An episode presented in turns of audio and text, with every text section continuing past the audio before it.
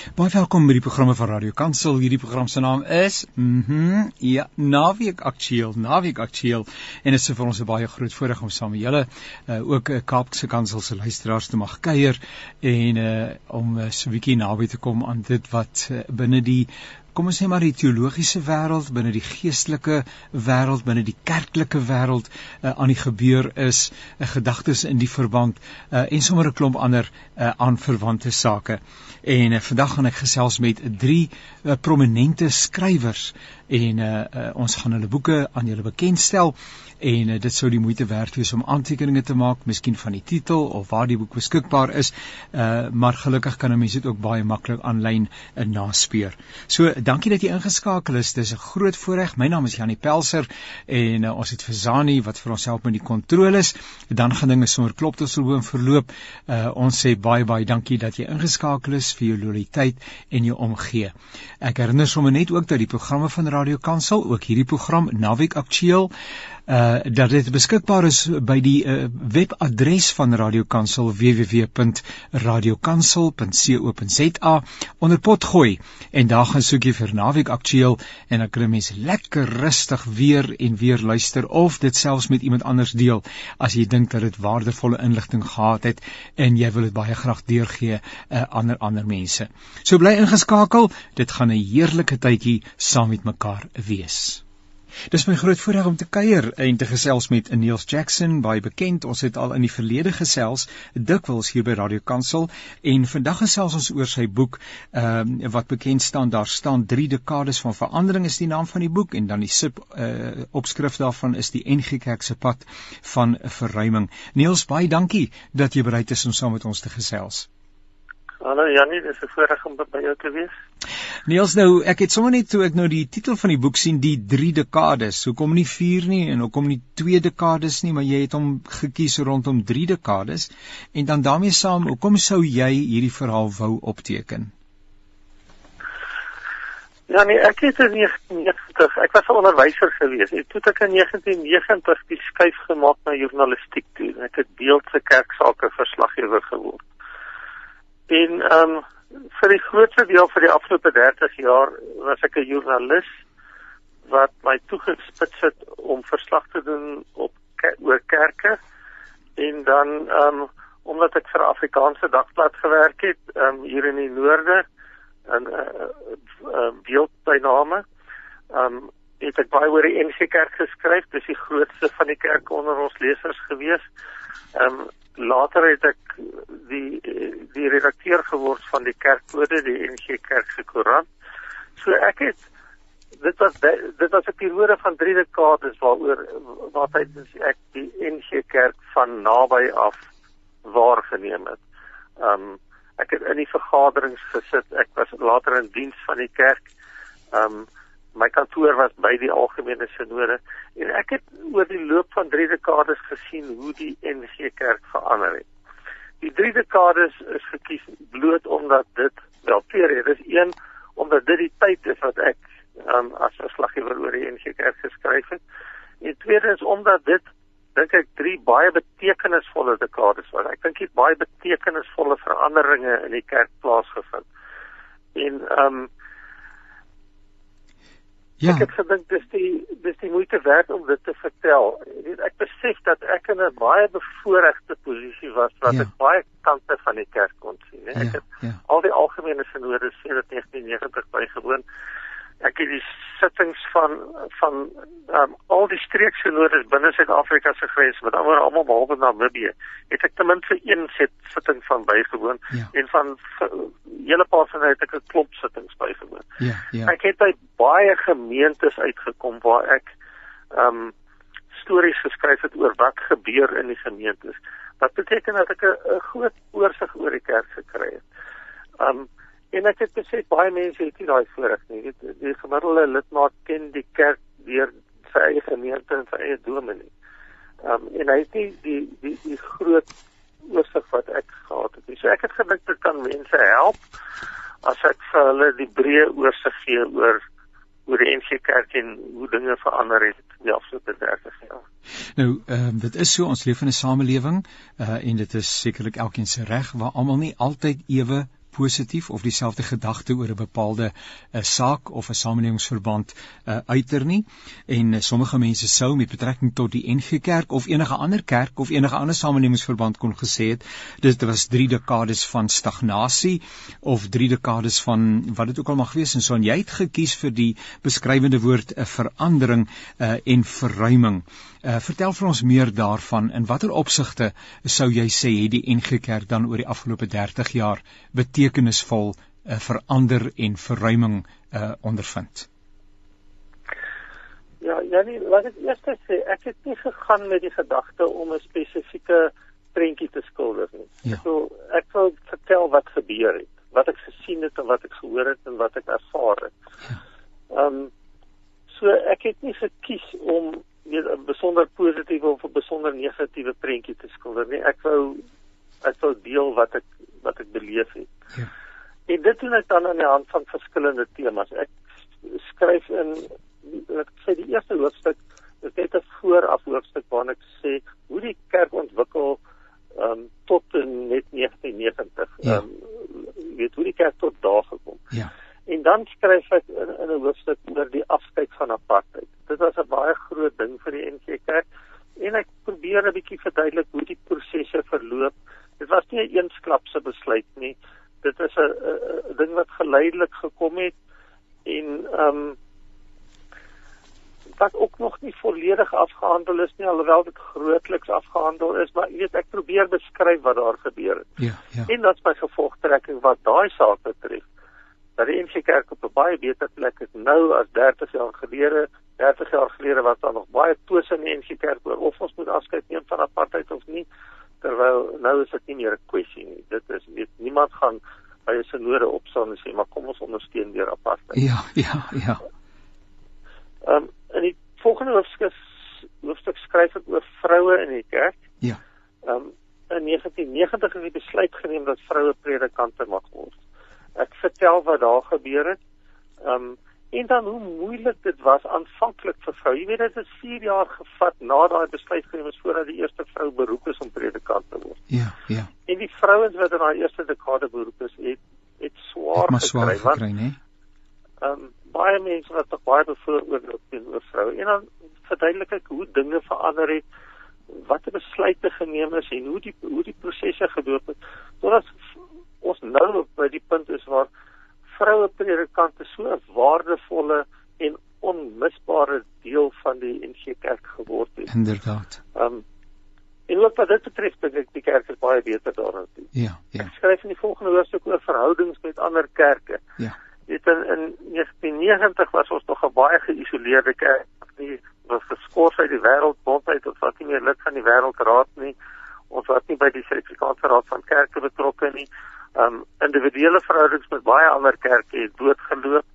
Um en toe die verandering gekom, nou daar was ook 'n soort van meerwaardig meerderwaardigheid van die NG Kerk. Dit 'n gevoel van dis eintlik ons wat die wat die sektor swaai in die kerklike toneel in Suid-Afrika. Ja, ja. En en en daai dinge het heeltemal verdwyn en die NG Kerk het het nederiger geword in sy verhoudings met ander kerke en ehm um, en hy's grootliks ehm um, word die NG Kerk weer deur ander kerke aanvaar en verwelkom en ehm um, die NG Kerk het 'n gewaardeerde lid geword van van die groot ekumeniese organisasie. Ja. So ja. wat dit wat dit betref is ons baie beter daarin. Ja. Die een saak waar ek sê wat wat wat die NG Kerk baie gesukkel het mee en wat wat, wat die een saak is waarmee ons die meeste gesukkel het die afgelope 30 jaar as kerk eenheid. Ehm um, dit ons het nie veel gevorder. Ons het eintlik min gevorder wat dit betref. Daar's 'n paar ligpunte wat ek noem moontlikhede vir die toekoms, maar weet dis 'n hoofstuk eintlik oor oor sukkel. En jy bedoel heel belangrik is Ekskuus, ek bedoel kerk eenheid binne die sogenaamde familie van NG Kerke. Die familie van NG Kerke, weet die NG Kerk is 'n wit kerk. Ja, ja. En ehm um, ons het die geskiedenis het so geloop dat daar 'n afsonderlike NG Kerk vir swart mense gestig is, die NG ja. Kerk in Afrika en die ja. NG Sending Kerk. Ja. En daar was pogings om hierdie kerke weer te verenig en nie op rassegronde te verdeel nie, maar ja. soos ek sê, dit het gesukkel. Daar's hier en daar ligpunte en ek beskryf dit, maar dit was ehm um, dit is maar 'n moeilike een gewees. Ja. Die heel belangrikste skei wat ek wat ek dink die NG Kerk gemaak het in die afgelope uh, 30 jaar was die wat ek noem van 'n 'n kerk van bo af na 'n kerk van onder af. Ja. 'n Kerk wat wat wat gedink het hy is belangrik en wat mag gehad het en invloed gehad het hm, ja. en wat baas gespeel het in baie opsigte. Ehm um, dit wat besef hy het 'n rol om te dien. En ehm um, dis die hele opkoms van die missionale teologie wat nie net in die NG Kerk gebeur nie, maar wat mense in kerke oor die wêreld sien. Ja, ja. Um, maar in die NG Kerk het dit op, op 'n baie spesifieke manier ehm um, gebeur en dis 'n ontwikkeling wat nog aan die gang is, maar wat ek dan in daai hoofstuk beskryf. Ek skryf 'n bietjie oor strukture wat verander het. Jy weet in in 1990 ter daai eerste algemene sinode wat ek bygewoon was, dit soos 'n parlementsitting. Ehm um, weet daar was twee paviljoene van mense wat teenoor mekaar gesit het in die sinodesaal in Bloemfontein. Ja, ja.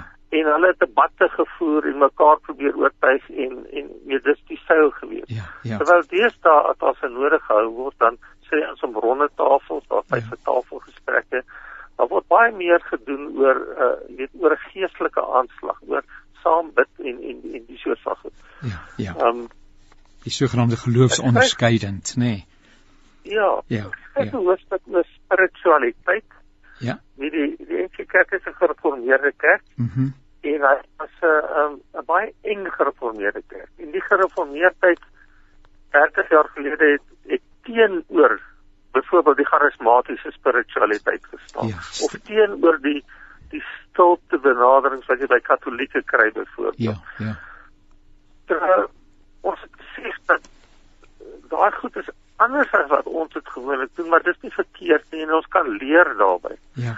So die NG Kerk het het sy gereformeerde spiritualiteit verruim om ook aspekte van byvoorbeeld die charismatiese spiritualiteit en aspekte van die van die kontemplatiewe spiritualiteit en aspekte van die die die ehm um, die doen spiritualiteit Ja. van iemand soos moeder Teresa wat wat eh, getuig deur deur om te gee en te versorg en lief te hê. Ehm um, die NG Kerk het begin om al daai soort van spiritualiteite ehm um, in sy eie mondering op te neem en, en dit maak die kerk net 'n baie ryker kerk. Inderdaad, inderdaad. Ek skryf 'n bietjie oor teologiese ontwikkelinge en teologiese ehm um, debatte wat in die kerk was. Daar's baie mense wat dink die NG Kerk is is met baie dink die NG Kerk het die profeet is allermins geval. Ek dink die NG Kerk het groei in sy teologie. Ehm um, ek probeer 'n paar misverstande uitwys in in daai hoofstuk. Ehm um, maar ek skryf daaroor en ek my gevoel is die NG Kerk is teologies op 'n goeie kyk ook oor die predikante oor ehm um, die verskillende generasies van predikante en die rolle wat hulle gespeel het. En hoekom die die die jong predikante in die NG my verskriklik baie hoop gee? Want ek dink hulle hulle verstaan die evangelie goed. Hulle is bereid om dit uit te leef Dis sommer 'n boek met 'n hele klomp baie baie belangrike aksente en uh wat 'n mens as dit ware 'n voelvlug gee. Dis 'n dit is 'n gawe 285 bladsye uh in sy omvang en soos Niels nou gesê het 13 hoofstukke uh waarin hy verskillende aspekte van die NG Kerk se funksionering oor die afgelope 30 jaar 'n bietjie uh onder die soetlig plaas en uh en en sy eie indrukke in die verband uh formuleer. Ehm um, ek wens dat ons meer tyd gehad het, maar so in 'n neutedop, ehm um, aan die een kant sou 'n mens wou sê, ehm um, jy, jy gebruik byvoorbeeld die vrou in die amp as 'n voorbeeld. Ek dink nou maar aan die hele gesprek rondom apartheid, die die gesprek rondom uh, Bellaar en die belydenis van Bellaar, dat dit so aanhalingstekens ellendig lank neem vir die kerk, nie net die NG Kerk nie. Ek bedoel dit geld vir vir, vir gemeentes ook om tot 'n uh, tot 'n punt te kom en te sê maar ons het nou min of meer by 'n plek gestak gekom waar ons met oortuiging kan sê so sê die Here en ons wil aanbeweeg. En Niels hierdie hierdie proses van verandering, jy het ook uh, dit netjies bespreek uh, daarin. Ja, dit is 'n stadige proses as daar groot veranderinge in 'n samelewing kom. Ja, en ons moet daar geduldig wees daarmee, ons moet geduldig wees met onsself. Ja. Ehm um, ek wil tipies wat gebeur, jy kan dit mooi sien in die in die hele storie oor apartheid is jy begin waar waar almal min of meer dieselfde dink oor 'n saak, daar's 'n konsensus. Ja, ja. En dan en die konsensus in die middel van die vorige eeu in die NG Kerk was min of meer dat apartheid eh, 'n uh, gawe van God is. Ja, ja, ja. Weet, dit is dit is 'n manier om om God se wil te doen in, in Suid-Afrika. En dan wat dan gebeur is daar kom 'n paar profetiese stemme wat sê nee, jy, ons moet weer hieroor dink. En dit was mense soos by eers nou die en profeet Ben Mare. En en dan geleidelik uh, kry hulle bietjie steun en daar word meer en meer mense uh oortuig ja. van hierdie saak sodat jy in 1982 die oop brief gehad het van 182 dominees wat ehm um, wat getuig het teen teologiese regverdiging van apartheid. Ehm um, en toe in 1986 en 1990 is die amptelike besluite geneem waarmee die ehm um, kerk weggetree het van apartheid af. Maar met daai amptelike besluite, weet dit nie soos 'n ligskakelaar wat jy aan ja. afsit en natuurlik is dit anders nie. Dis amptelike besluite, maar maar die proses van oortuiging binne die kerk uh, neem tyd. En juis wanneer daai besluite geneem word, is die konflik op sy hoogste. Ja. Jy weet dit was in 1987 dat die uh, klop lidmate weggebreek het van die NG Kerk en 'n ander kerk gestig het. Juis oor hierdie saak. Ehm um, maar met verloop van tyd uh, verminder daai spanning en die konflik ehm uh, bedaar en meer en meer mense aanvaar die nuwe manier van dit. Totdat jy uiteindelik net enkelinge kry wat nog weerstand bied teen dit nog die ou paradigma aanhang.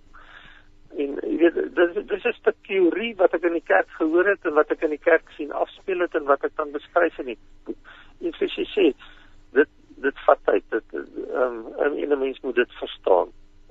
Uh, Niels, uh, uh, toe jy 30 jaar gelede by wyse van spreuke uh, betrokke geraak het by hierdie gesprek, 'n deel geword het van die proses, uh, en waar jy vandag is.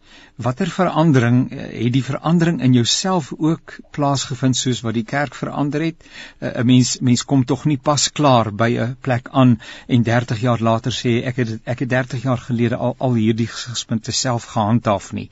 Vertel bietjie net so net dit op iets van jou eie reis is uh, saam met die kerk en in die kerk.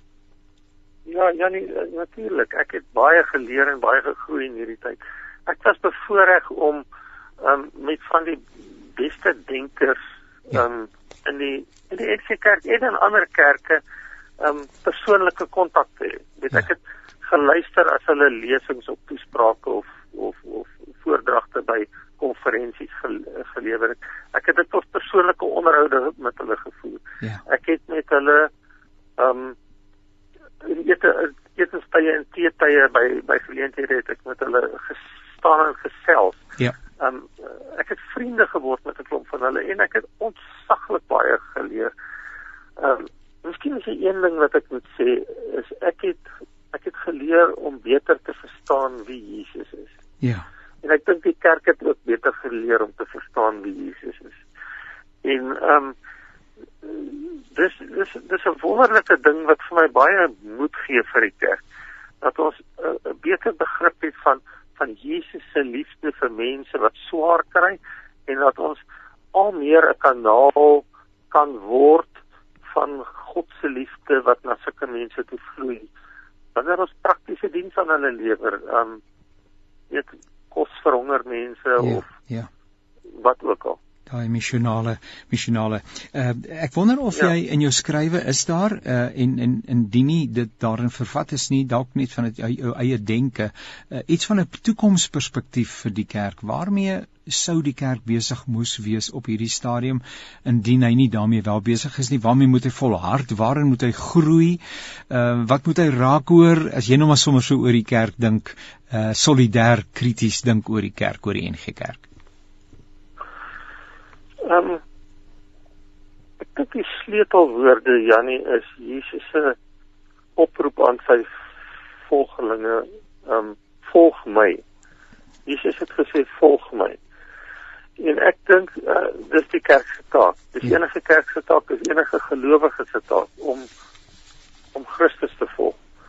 Maar dit beteken dat ons baie mooi moet verstaan en duidelikheid kry oor Christus, oor oor wat hy kom doen het, um, oor wat hy vir ons kom leer het, um, en watter voorbeeld hy vir ons gestel het. En dan moet ons maniere vind om dit in ons uh, konteks um, uit te leef. Uh, uh, dan kan ons geloofwaardige getuies vir die evangelie wees. Niels Jackson, die skrywer van die boek 3 dekades van verandering, die NG Kerk se pad na verruiming.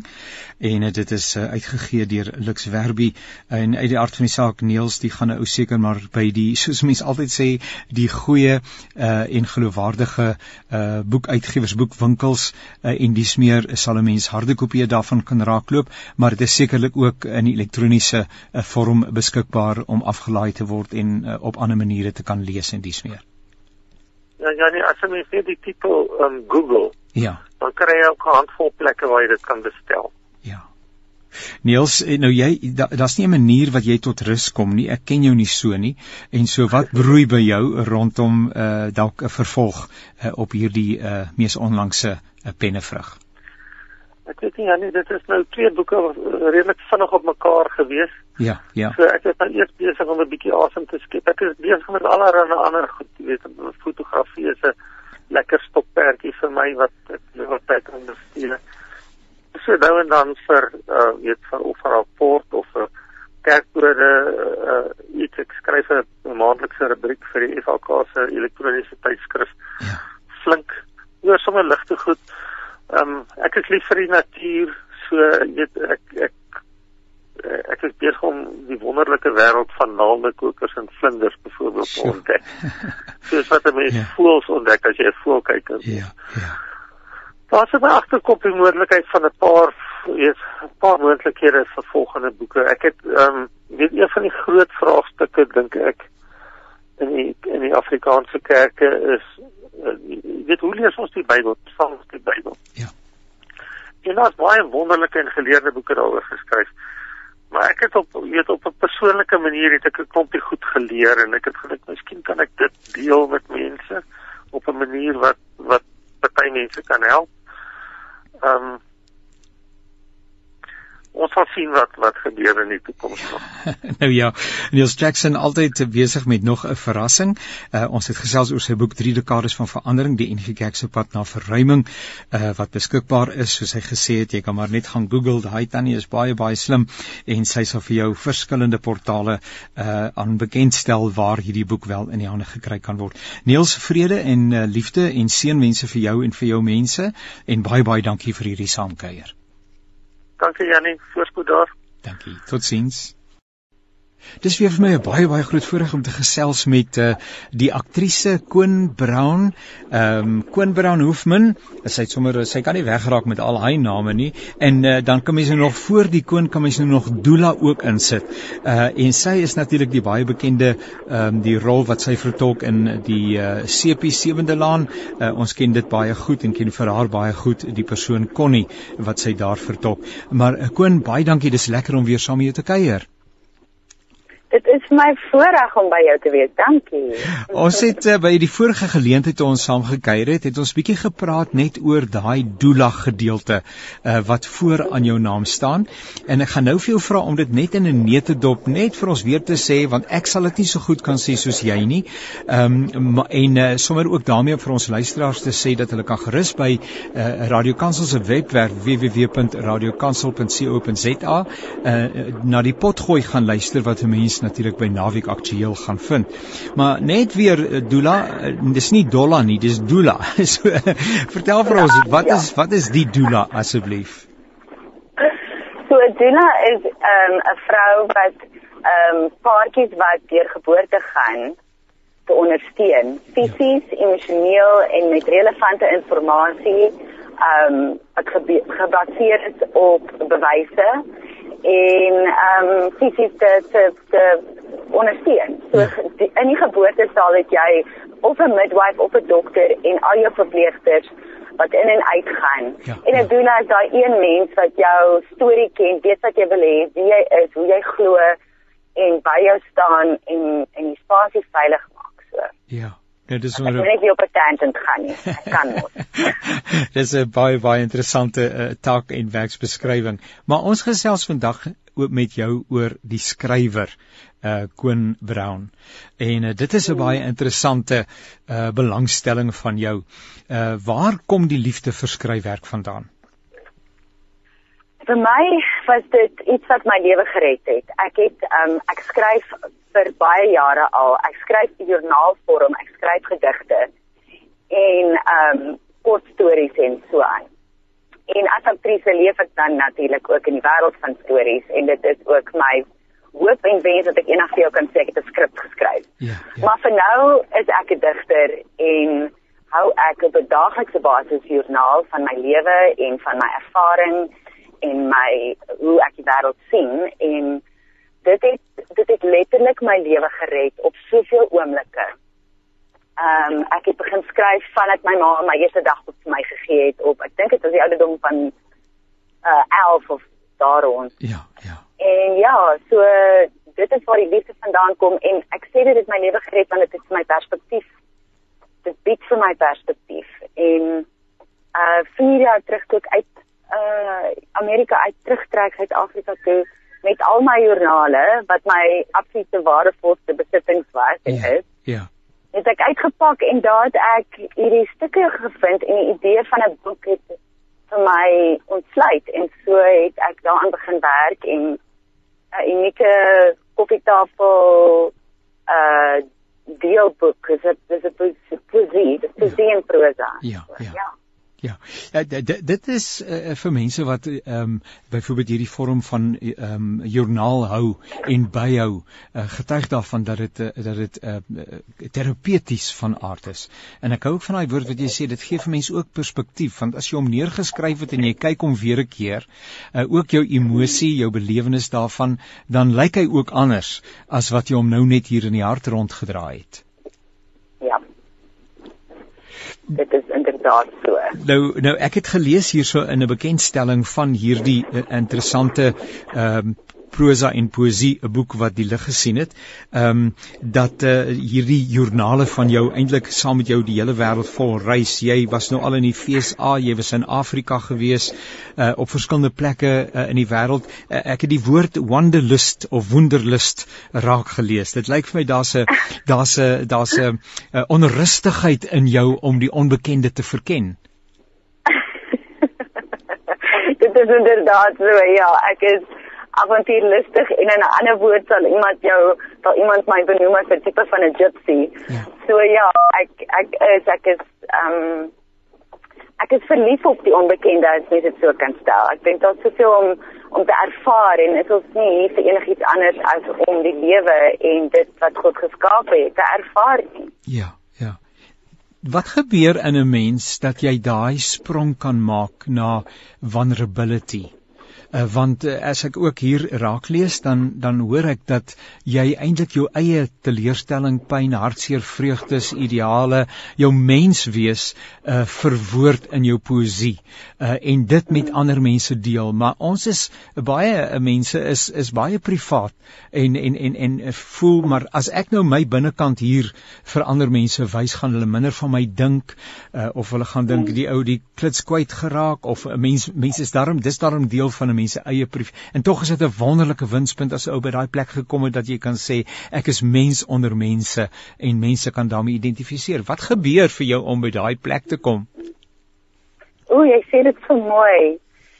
Dit dit het 'n groot reis vir my. Dit het my lank gevat om myself enigstens onder as 'n digter te noem of of daai plek in te neem of my werk te deel of te dink ek moet dit deel. Ek was seker uh 15 of so het ek 'n kerel gehad op skool wat my dagboek gelees het, gevat het en gelees het en vir almal vertel het. Ja, ja. En dit was een van die grootste traumas in my lewe en ek het eintlik vir omtrent 4 jaar ophou skryf. Ja, ja. Dit was baie erg en uh ek het ek was baie kwaad. Maar in elk geval dit het uh so ja, ek hoor wat jy sê, dit vat baie om weer daai innerlike kritiek te werk en jou vrede met jouself te kry. Ek dink ehm um, dit het gevat dat o, dis wat ek wil sê. toe ek weer begin skryf en dit ek het weer begin skryf die oomblik toe ek op die vliegtuig klim land uit, toe Ja. begin ek skryf. Daar hou Ja. ek nooit weer op nie. En wat ek vir myself gesê het en besluit het was ek gaan so skryf dat as iemand dit lees, moet daar iets van waarde wees. So skielik het my het my eie belewenis van my lewe en myself, ek het ek het onmiddellik in die getuienis van myself ingetree. So Ja. ek skryf absoluut eerlik of dit nou sleg of goed of moeilik of hartseer of bly is. Ek skryf alles maar jy daar's 'n perspektief wat inkom wanneer jy uh jy het dit gesê mens onder mense ons is almal net mens en ons om ook jou kwesbaarheid as 'n krag te herken is as 'n vrou Ja. absoluut waardevol en ek het dit al hoe meer beleef na my kinders gebore is en ek dink as mamma het ek baie braaf geword. So moederskap Ja. het my baie braaf gemaak. Dis dis dis 'n mooi woord wat ek gesoek het, die kwesbaarheid, nê, nee? om kwesbaar mm. genoeg te wees uh dat jy dit ook met ander mense kan deel. Maar as 'n mens nou so na Connie kyk hier op Sewende Laan, daar is nou van tyd tot tyd die trauma in Swaan, maar um, ek sou nie mm. dink dat die gawe dame uh in die aantreklike dame ook swaar kry in haar lewe en ek praat nou die werklike lewe. Uh beleef het wat sy met ander mense die emosie en die uh deur die drif gaan sou wou deel nie. Jy lyk dan altyd so so in beheer uh van situasies. Uh jong ek dink miskien mis, ek het al baie dae gesien maar ek kry daai ehm um, terugvoer nogal gereeld dat dat ek in beheer voorkom. Ja. En miskien is dit omdat en en ek het dit 'n bietjie gaan oordink. Ja. Ek laat myself toe om dit op papier te sit wat ek voel en dit kry daar kry ek uitlating. Ek dink as jy my man vra gaan hy dalk vir iets anders sê, maar of my kinders. Ja. Maar uiteindelik as ek in die wêreld inloop is is ek nogal kalm omdat ek ander plekke kry waar ek wel uitlating gee. Ja. Ek Ja. hoe ek beweeg as as ek ehm um, moeg is of as ek in my sekere siklus is. Ek neem dit alles in ag en ek hoop ek kry dit reg om om eerlik en dit is vir my baie belangrik om eerlik in die wêreld te loop. Ehm um, die Engelse woord is authentic en dit is Ja. net so mooi. Ja, ja, daai authentic Ehm, is 'n mooi Dit is autentiek, maar dit klink my so aggressief, maar Ja, ja. in elk geval Ja, so. ja. Ek- maar authentic, uh, authenticity ek dink moet ons as mense bymekaar koester en ek hoop as as ek my kwesbaarheid deel en my stories deel uh of dit nou is deur my werk wat ek doen uh aanlyn en of dit is deur my boek dat dit vir almal die vrymoedigheid gee om meer van hulle stories en van hulle self en eerlikheid te deel. Ja. Nou die naam van jou bundel uh gaan ek nie nou waag om uit te spreek nie want ek gaan jou dit nasê uh dat ek nie van myself dalk nou hierso 'n uh, dwaas maak nie so help net vir ons die interessante naam waar kom dit vandaan en wat beteken dit Ja. Shai Veti. So eintlik net soos jy hom spel. Sharai Veti. Sharai Veti Dit ja is 'n Sanskrit woord wat ek oor my pad gekom het in my 19 20 jaar. ja Toe ek so 1920 was. En op een van my travels in Europa. Uh dit is 'n woord wat beteken keep moving.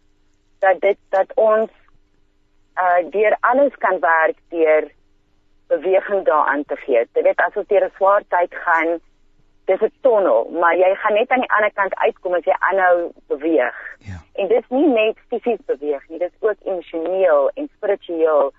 Jy just keep moving. En so die die illustrasie op die voorblad is die van 'n sirkel ehm um, wat 'n beweging bewegende sirkel sit van die tonnel en deur my boek trek ek die sirkel deur ja om so kan te sê dis die- dis 'n journey.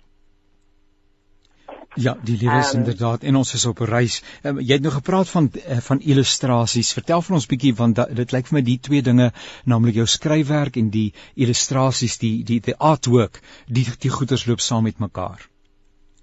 Ja, dit en en die illustrasies in my boek is wat dit ekstra spesiaal maak en hoekom ek dit ook in 'n koffietafel tipe boek ehm um, ge, uh, geskep het want my sussie is 'n skilder Ja. En ek en sy loop al leeftye saam. So al haar werke wat by my daai tyd in my lewe of by daai tema insluit, het ek in my boek geïnkorporeer in sirkelvorm. En haar werk is van is net iets ongelooflik om te beleef. Dit is Esther Engelbreg. En uh, ja, so dit is die illustrasies binne in die boek ook wat baie baie baie spesiaal is. Mense wat die boek onder oog gehad het, uh, wat is hulle terugvoer? Wat sê mense wanneer hulle dit lees van die poesie uh, dan in die besonder lees? Ja. Uh ek 'n mens het gesê dit is iets wat vir hulle insig gee in my, maar wat ook baie universeel is. Ja. Dat dit ehm um, die die die ek vandag is begin sin maak deur daai journey en dit en party mense is verras deur die goed wat ek daarin deel. En en my liefde vir my man en my kinders wat daarin speel. En net die tipe hoop en uh daar's 'n I want to say joyful and hopefulness wat Ja, daarmee yes, saamgaan. Ja. Wat jy as jy as jy jouself die oomblik gun om hom deur te lees wat nie lank vat nie, Ja. dan loop jy aan die ander kant uit met 'n sin van o, dis alles eintlik moontlik. So daar ek ek voel eintlik en ek moet dit sê dat dat baie van wat ek skryf is nie ek kan nie eienskap vat daar. Ek kan nie ownership vat nie. Ek kan nie Ja. eienskap Ja. Ja. vat nie. Ja. Ek Ja. Ja. nie Eienaarskap. nie Eienaarskap. Ja. eienaarskap, ja. Uh, dit voel baie asof ehm um, ja, dit 'n ander stem is wat deurgekom het want ek kyk soms na van die poesie of die werke en dan gaan ek het ek dit geskryf. Dis daai Ja, gevoel, ja. jy weet. Dis, Ja. Wow, en ehm um, ja, so ek, ek kry dink- baie goeie terugvoer van die mense wat hom wel gelees het en ek dink almal dis ek skryf hom nie ook ek, ek is my mentor is Bernard Levinson en hy is 'n 'n ongelooflike man wat my kop oopgemaak het en my ekstra braaf gemaak het en hy is onlangs oorlede, maar hy was 94 en hy is 'n digter van formaat en hy het hierdie wêreld verander op soveel vlakke. Ja. Ja. En hy het na my werk gekyk en hy het voor in die in die boek is 'n is 'n gedig wat hy aan my geskryf het en ehm um, en hy het my geander as 'n confessional poet. Ja. Ja. So ek skryf soos ek dit sien en hoe ek dit voel en dit alles deur die gees kom so half uit op papier. So Ja. dit was een van sy terugvoering. Ja. Ja. Ehm um, ja. Miskien is 'n woord vir daai uh, vir daai authenticity geloofwaardig, nê, nee, integriteit Ja. en eerlik, baie eerlik en so aan. Nou ek gaan vir jou vra om vir ons ietsie te lees. Uh, nou uh, uh, uh, jou, jou poesie uh, en skryfwerk is daarom op die vlak van Jan en Alleman ook, want wie ek was van skooltyd af al so verleë as ek na die goeters luister en ek het nie die vaagste benul wat die ou wil sê nie. En uh, ek ek bely dit as my gebrek aan aan 'n behoorlike opvoeding dink ek akademiese opvoeding maar uh, maar Jan en Alleman sal verstaan waaroor jy skryf. Ja, en weet jy poesie is almal se taal. Dit is dit dit is uh dit word so gelei nou as, as jy kyk na ek dink ons ons het poesie vir 'n vir 'n oomblik was dit in hierdie akademiese wêreld waar jy 'n sekere manier moet dink en jy moet tussen die lyne en maar dit is die gevoel wat jy kry. Ja, ja. Jy moet dit dit dit gaan oor die ervaring en ek Ja. dink dit begin terugkom soos wat spoken word en ehm um, baie baie van ons werke word nou ek het 'n show gedoen Sharaveti live en ek gaan hom weer doen so Ja. kyk uit Ja, ja. en dit maak dit lewendig en dit maak daai dat dit maak dit eg dat dit 'n ervaring is jy hoef nie dit te verstaan nie jy moet net en aan die begin van my boek sê ek dit ook Ja. mag dit vir jou 'n ervaring wees so laat ek vir jou Ja, my my gedig aan Suid-Afrika lees Ja. Baie dankie. Jy het ook nou vir my jy het ook vir my 'n ou oulike en 'n goeie 'n beginsel vir interpretasie gegee. Dis soos 'n skildery ook, né? Jy kyk en jy sê Dit wat is wat maak dit by my wakker? En dis die waarde wat dit vir my het. En so so ek, ons luister graag. Yes. Ons luister graag. Ag, baie dankie vir die geleentheid. So. Suid-Afrika. Dis jou reënboogkleure van die grond af opgeure. Dis die somer se groen, die winter se vaal groen wat deur die kleiner albaster aangespoor word om aan te rol. Dis die vaalblou en die reën se seer, die haal wat val, 'n gebreek van vensters, daar is 'n huil en skree, lag en sing, harte wat voel oë wat nie kan wegkyk nie. My gemoed loop swaar hier, maar dit maak saak en my siel wakker. Na aan my skade en seer maak wakker die waarheid van vreugde. En deur jou oë, julle ervaring, voel ek selfsugtig. Bring ek julle in my skepping en kry julle seer. Wat dan? Maar hier is ons, die deel met ander baie. Drome geleef tog waar, kinders in hulle eie wêreld. Josie, my hart is wakker hier. Ek voel die kloppings, die klag om nie op te hou nie. Dis 'n reënboog van pers en groen, rooi dakkies, blou lug, droë gras, mense van alle soorte, kleure en stories. En dis wanneer ek stil sit, wat vrede inkry. Dis te lank stil sit, wat die ontevrede en onbemoedigende vrae bekruip. Ek wil net saam speel, stories deel, vuur maak onder die suiderkruis. Ai, dankie. Ai, maar dit is pragtig en dit beskryf die kleurvolheid en die en die en die ryke aksente wat Suid-Afrika na vore bring en ons is lief vir die plek. Ons is lief vir die plek. So gesels ehm uh, uh, dit is nou Koen Brown, uh Dula Koen, jong al haar titels hier sit Dula Koen Brown Hoofman en uh na aanleiding ook van die uh van die uh die skryfwerk uh met die naam van Sharai Weti. Jy sê ek sê hom reg, nê? Nee? Sharai Weti. Ja. En dit beteken ja. bly beweeg pelser en ek gaan dit nou vir myself ook sê wanneer die moedeloosheid want daai een sinsnede sê my gemoed gemoed loop swaar hier en dan die volgende sinsnede maar ons is nou hier hier is ons en uh, kom ons bly beweeg en ons maak van hierdie plek uh, wat die Here aan ons toevertrou het die beste woonplek op aarde. Baie baie O, dankie. Waar kry ons eh, hierdie koffieka koffiekamer, koffietafel boek? Hierdie skogboek met sy mooi illustrasies en dinge. Waar kry ons mense dit in die hande uh sodat ons luisteraars dit ook kan bestel? Absoluut. Dit is op my web webwerf Ja, en jy kan hom daardeur bestel en dan stuur ek hom reguit na jou toe.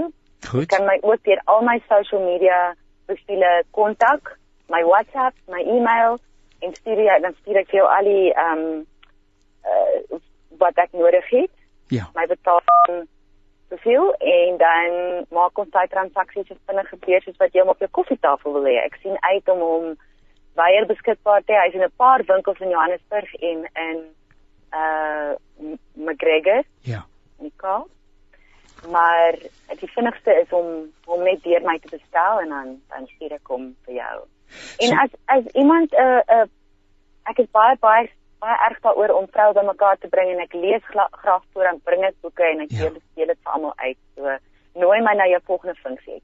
Nou ja, dit is Koen Brown wat so lekker gesels oor haar boek Sharai Weti en dit is beskikbaar en jy kan maar net daai tannie Google. Ek het die grootste respek. Kyk, sy weet alles. En jy gaan maar net daar op daardie lyntjie intik Dula Koen of Koen Brown of Koen Brown Hoofman of Koen Brown Sewende Laan en dit is kort en jy is by uh, haar persoonlike inligting en jy kan met haar op daardie wyse kontak maak en hierdie spesifieke ehm um, uh, verse boek uh, in die hande kry en ook jou eie persoonlike lewe op daardie wyse verryk of dit is 'n geskenk gee wat mense groot waardering voor sal hê.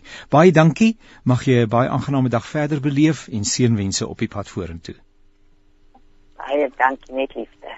Ai, ek is dan vandag baie baie bevoorreg want ek gesels met pragtige mense en mense wat die wonderlike vermoë het om dit wat in hulle eie hart leef, ehm um, of dit dan nou die waarheid is en of dit fiksie is, uh om dit uh op skrif te stel. En uh vandag is dit in by hierdie geleentheid spesifiek Elsa Winkler. Elsa, dankie vir die saamkuier. Ek waardeer dit. Ja, baie dankie vir die geleentheid. Dit is vir my vreeslik lekker om saam te gesels. Kraaitjie Moses, ek sê altyd so vir die klein kinders en dan hulle sê oupa sê Kraaitjie Moses. Maar waar kry een mens soveel inspirasie om soveel te kan produseer soos wat jy tot op datum gedoen het? Slaap jy ooit Elsa? Ek ek wil ernstig met jou praat oor jou gesondheid. Nee, weet jy, ek ek het laat in my lewe begin. So my tyd is baie minder as ander mense sê. So ek moet hou laat by. En ek dink die ander voordeel is ook ons kinders is uit die huis uit. Dit maak 'n baie groot verskil. Dis net ek en my man, ek hy is die enigste iemand my herinner in my dag. So vir die res het ek my dag ook wat ek kan maak waarmee ek wil. En nee, dit lyk vir my jy's goed besig om in te haal, hoor, so wat jy ook al vir jouself in die vooruitsig gestel het. En ek lees hierso by eh, 'n uh, bekendstelling van jou boek en ook vir jou as persoon dat jy op daai pragtige Betty's Bay woon ja, met die see voor ja. en die berg agter en ek dag by myself, ek dink daar kan ek ook skryf. Ja, nee, dis seker. Hier is ook meer. Iemand het al eendag gesê dit is eintlik soos dit was in die in die in die Bybelse tyd. Ja, ja. Die see en die berg en die meer, so jy kan jou verbeel jy's in die hemel. Ja. Ja. nou, die spesifieke boek waaroor ons vandag gesels, uh, is waarskynlik dan ook jou nuutste toevoeging en die naam daarvan is Arendsvlerke vir Siebert en uh, eintlik is daar reeds uh, in net in die titel van die boek uh, word al iets uh, uh, weergegee. Ou net die woord bietjie arensvlerke al begin interpreteer, kan jy 'n idee vorm van uh, wat hier aan die gebeur is. En uh, ek sien dat hier word 'n teksverse aangehaal, naamlik die bekende Jesaja 40 waar daar gepraat ja. word oor die arensvlerke en God wat vir ons in staat stel om uh, in die diepste van ellende en die moeilikste van omstandighede die genade te vind om na bo uit te styg. Ehm um, vertel vir ons asseblief van hierdie skrywe as eh, die uitgewer het seker so 2 jaar gelede vir my genader en gevra of ek nie kan sien om 'n boek te skryf oor verslawing nie. Ja. En ek was totaal onkant gevang want dit is heeltemal buite my gemaksone. Die mense wat uh, my skryfwerk ken sal weet ek skryf hoofsaaklik liefdesverhale. Al is dit dan met 'n uh, soms soms met 'n inspirerende inslag, maar dit is hoofsaaklik liefdesverhale. So hierdie was toe nou vir my totaal heeltemal 'n vreemde ene wat ek nou nogal gewonder het waarom dit nou oor my pad gekom het. Ja. Maar weet jy ons het ehm um, ek en my man het ken mense wat die pad gestap het met ja. hulle kinders. Ja.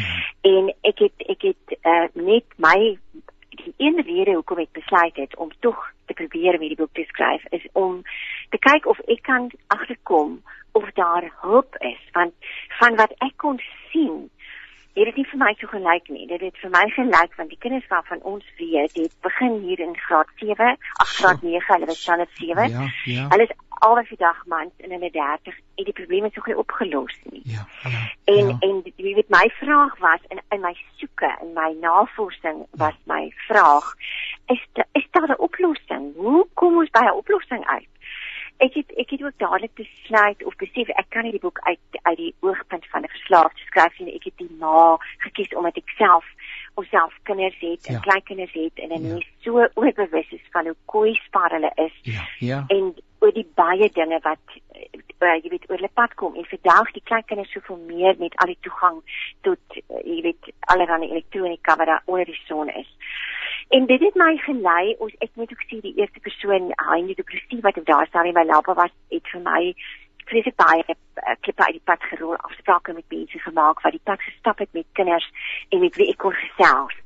Uh was 'n baie dapper ma en pa uit Johannesburg. Ek bedank hulle ook agter in die boek wat die stories met my gedeel het wat jou hart breek hoe 'n kind wat die een dag nog wonderlik aangaan met haar lewe, goed doen op skool, binne dae kan verander. En een wat slaap, een wat niks wil doen nie, een wat knorrig is, een wat jou begin steel, wat jou manipuleer en wat jy later besef van jy kan nie 'n woord glo wat hierdie persoon vir jou ooit weer sien. Ja, ja. En ja. en die en die jy weet die, die ma wat my vertel het hoe sy in die in die veld gaan soek na 'n meisiekind. Nou ek weet ons het 'n meisiekind en ek het my lewe lank my kind amper in watte toe gedraai. Ja, ja. Sy weet sy ek kan probeer beskerm het want ek was altyd so bang of vir haar dat sy kon seer kry. En ek kan my nie indink hoe sy nou vertel hoe sy in veld gestap het en uh, in 'n boom tussen twee bome is 'n seil gespan en die spulle daar gelê. En sy moes elke dag uithaal. En sy beskryf hoe dit ryk en hy lyk en dit ag dit was ag dis hartseer nee. Absoluut dis regtig getraumatiseer en die een ja. pa wat vertel hoe sy kind uh jy weet uh, hy moet gaan soek in die gebou vervalle geboue in die stad. Ja. Uh die dae gaan uitdaal ek en en dan sit verniet môre aan sy terug daar, ja, weet jy? Ja. En ek dink dit is die ding wat ouers uh, wat jou so gedaan maak is jy weet jy het nie antwoorde nie.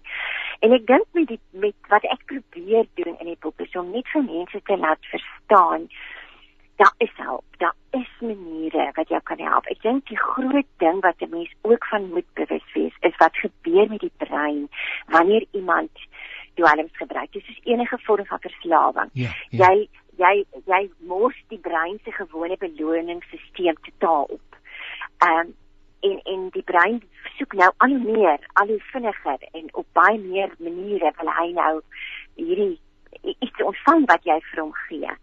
Ehm um, maar daar is ehm um, navorsing wat bewys dat 'n brein is nie permanent beskadig nie. Daar is Ja. maniere om dit te herstel. kan herstel. En dan ja. ja, en dan staan daarmee ehm jy weet ek ek ek toe in my moedeloosheid onthou terwyl ek die boek geskryf het, onthou ek toe van Jesaja 40 en die aardsvlekke. Want ek glo dat dit is die manier is is op jou knieë voor die liewe Vader met sy hulp en dat jy gaan hulp soek by iemand. Gaan kry mense wat opgelei is om te help, wat weet wat hulle doen, wat jou en jou hele gesin, want uiteindelik is dit nie net die kind wat die verslaafde is of die geliefde wat die verslaafde is Ja, wat die probleem is nie. So hele gesin ly daaronder. inderdaad. En Ja. dis dit letterlik traumaties vir elke lid van so 'n gesin en almal behoort eintlik berading te kry. Um ek beskryf nou uh, die proses van ingryping in die boek wat hun manier is. Dit is nie te sê dit help vir almal nie, Ja. maar dit is 'n moontlike manier wat kan help. Die een skool glo dat jy weet so iemand net werklik eers die bottom strike soos Ja, hulle ja, sê. ja. Maar dan is daar ook 'n skool wat glo dit kan te laat wees. So 'n persoon kan dan doodgaan. Ja. Jy weet voor jy hom kan help. Sodat jy weet voor die tyd moet probeer om in te gryp. Uh intervention noem hulle praat Ja, in Engels ja, daarvan. So ja, en en ek, ek, ek ook vir my was dit ook vir my ontstellend was is die min hulp vir daar werklik is vir tieners. Daar boek het 18 is daar uh, plekke waarna toe mense kan gaan op, opgeneem word, maar daar is min hulp vir kinders onder uh jy weet onder 18 en Ja. ek dink daarmee is dit so belangrik dat ouers bewus moet wees van al die hulp wat daar is. Al die mense wat daar is, al die uh jy weet pogings wat daar is om te probeer help. Dis interessant want ek- ek- dit is vir my duidelik dat jy baie baie werk eh, daar baie werk ingegaan het om jouself uh, op die onderwerp in te grawe, um, maar jy verpak dit in storie trant, storieverhale, verhaaltrant uh, in- as as fiksie. Ja. Ja. Dit, Ja, dit maak dit meer ja, toeganklik dink ek, nê? Nee. Ja, ek het so gehoop want anders is dit dan so vir die ek met die die uitgewer het ook vir my gevra, hulle hulle soek 'n bietjie hoop. So ek het vir die ma het ek 'n liefde daarin ge, gebring Ja. uh, wat Ja. wat ek vir sy verdien na alles in aanhalingstekens wa- waardeur sy gaan. Ja, ja. Uh so en en ek dink en, en en dit is ek dink dit is ook deel van die punt dat dat die ouers hulle ouer of geliefde moet besef dat jy kan nie jou eie lewe heeltemal tot stilstand laat kom as gevolg van so iemand se probleem nie. Jy moet die lewe gaan aan. Dis Jy reg, jy ja. moet ook uitgereik. Jy moet ook jou lewe toelaat om om sy loop te neem en jy is geregtig op vreugde en geluk ten spyte van uh jy weet en dat dat die mens die die regte hulp probeer kry want Ja. dit dit is definitief beskikbaar daar buite dit dit is maar jy weet die raad wat ek vir almal het Ja. uh maar jy- ek dink nie 'n mens moet dink jy gaan dit self oplos jy moenie dink soos baie mense sê maar die kind moet mos net maar net ophou jy weet dis wat jy so dikwels hoor die, die kind moet maar net ophou dan is dit reg Ja, ja. Maar dit is nie, dit is ongelukkig nie so eenvoudig nie. Jy weet, want daai hele brein stelsel hoe dit werk, die kringloop is is uh, uh, um, ja, dit is nou verkeerd. Dit werk Ja. nou verkeerd en om Ja. dit weer reg te kry is nie iets wat oornag gebeur nie. Ek dink dis die ander ding wat 'n mens ook moet verstaan is ehm um, dis nie soos 'n seerplek wat jy pleister opsit en hy gaan binne dae gesond word nie. Ja. Hierdie is 'n ding wat dis 'n pad wat jy stap. En 'n En mens jy gaan Ekskuus. Ja, ja, ek dis ja. hoekom dit ja, en dis hoekom dit so nodig is vir daai arendsvlerke en hoekom dit jy jy weet op jou knieë wil ek amper sê moet bly. Ek ek dink dit is waar van enige ma met enige tiener of hulle nou hierdie is 'n verkeerde pad, maar daar's baie ander ander ander afdwaalpaaie wat kinders ook neem. En en hopelik uh, is hierdie net 'n manier om vir mense net in tot stilstand te bring en weet te laat dink oor oor hoe kan ek hierdie krisis in my gesin probeer hanteer. Sjoe, dit is 'n groot verantwoordelikheid en dit is 'n groot uitdaging en ek kan net in my eie lewe dink aan mense in my verwysingsraamwerk wat met presies dieselfde ehm um, emosies, dieselfde uitdaging uh en hartseer uh, gekonfronteer word. Ehm um, en en en en uh, hier uh, in die bekendstelling van die boek staan daar liewe Here, ek verstaan nie, help my. En dan is die volgende lyntjie Katinka probeer om die dood van haar man te verwerk en dan dring haar seun se veranderde gedrag uiteindelik tot haar deur.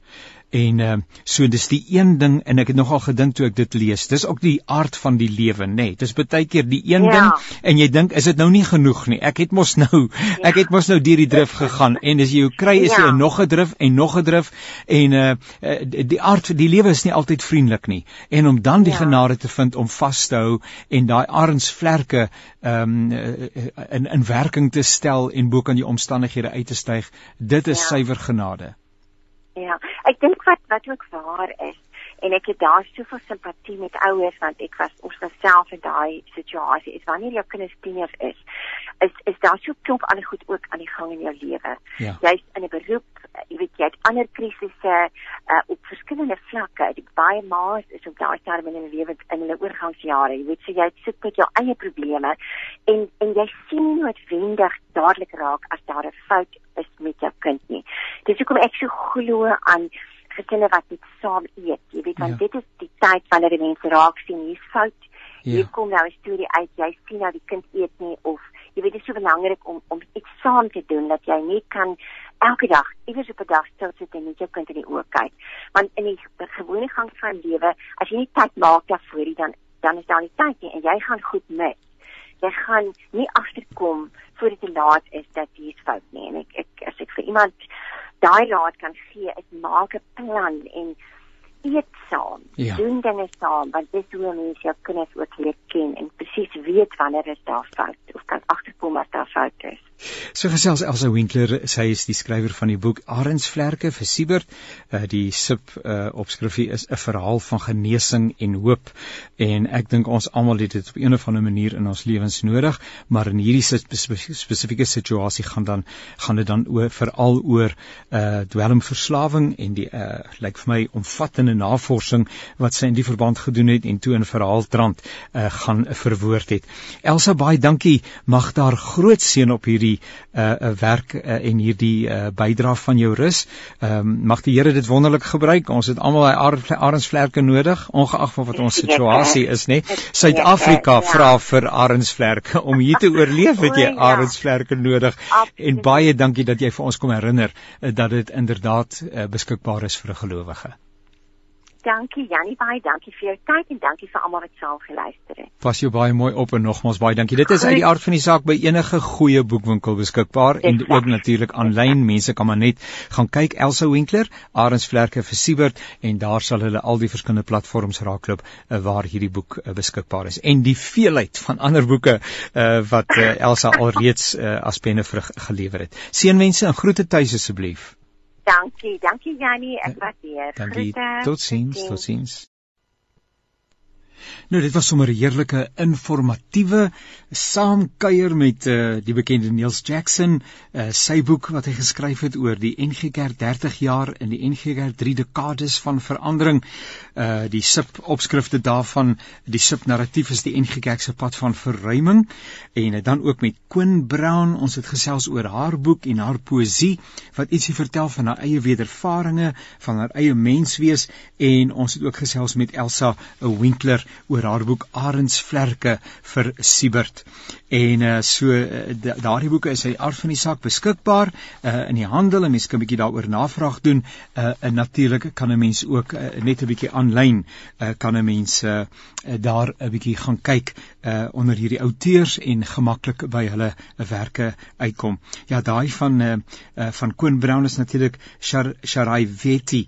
Uh, keep moving. Hou aan om te beweeg. Sharai Veti interessante naam uh, van daardie boek. Uh baie dankie vir jou inskakel. Ek herinner ook vir jou aan die ander programme van Radio Kansel. Ons is op die lug elke enkele oomblik van die dag en van die nag.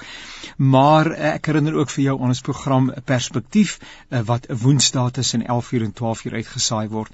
En daar gesels ons met meningsvormers binne die Suid-Afrikaanse konteks, polities, ekonomies, sosiaal-maatskaplik, ander terreine van die samelewing, 'n meningsvormers wat vir ons help om ons eie perspektiewe 'n uh, 'n bietjie te gaan toets, ons eie gedagtes te gaan toets en uiteindelik te besluit uh, waar uh, gaan ons onsself posisioneer uh, met betrekking tot die dinge wat in Suid-Afrika aan die gebeur is. So uh, ook hartlike uitnodiging uh, dat jy daarna sal gaan kyk. En dan natuurlik die potgoeie van die Radio Kansel by die webwerf www.radiokansel.co.za in hierdie geval naweek aktueel en ook 'n perspektief. Tot 'n volgende keer, alles wat mooi is.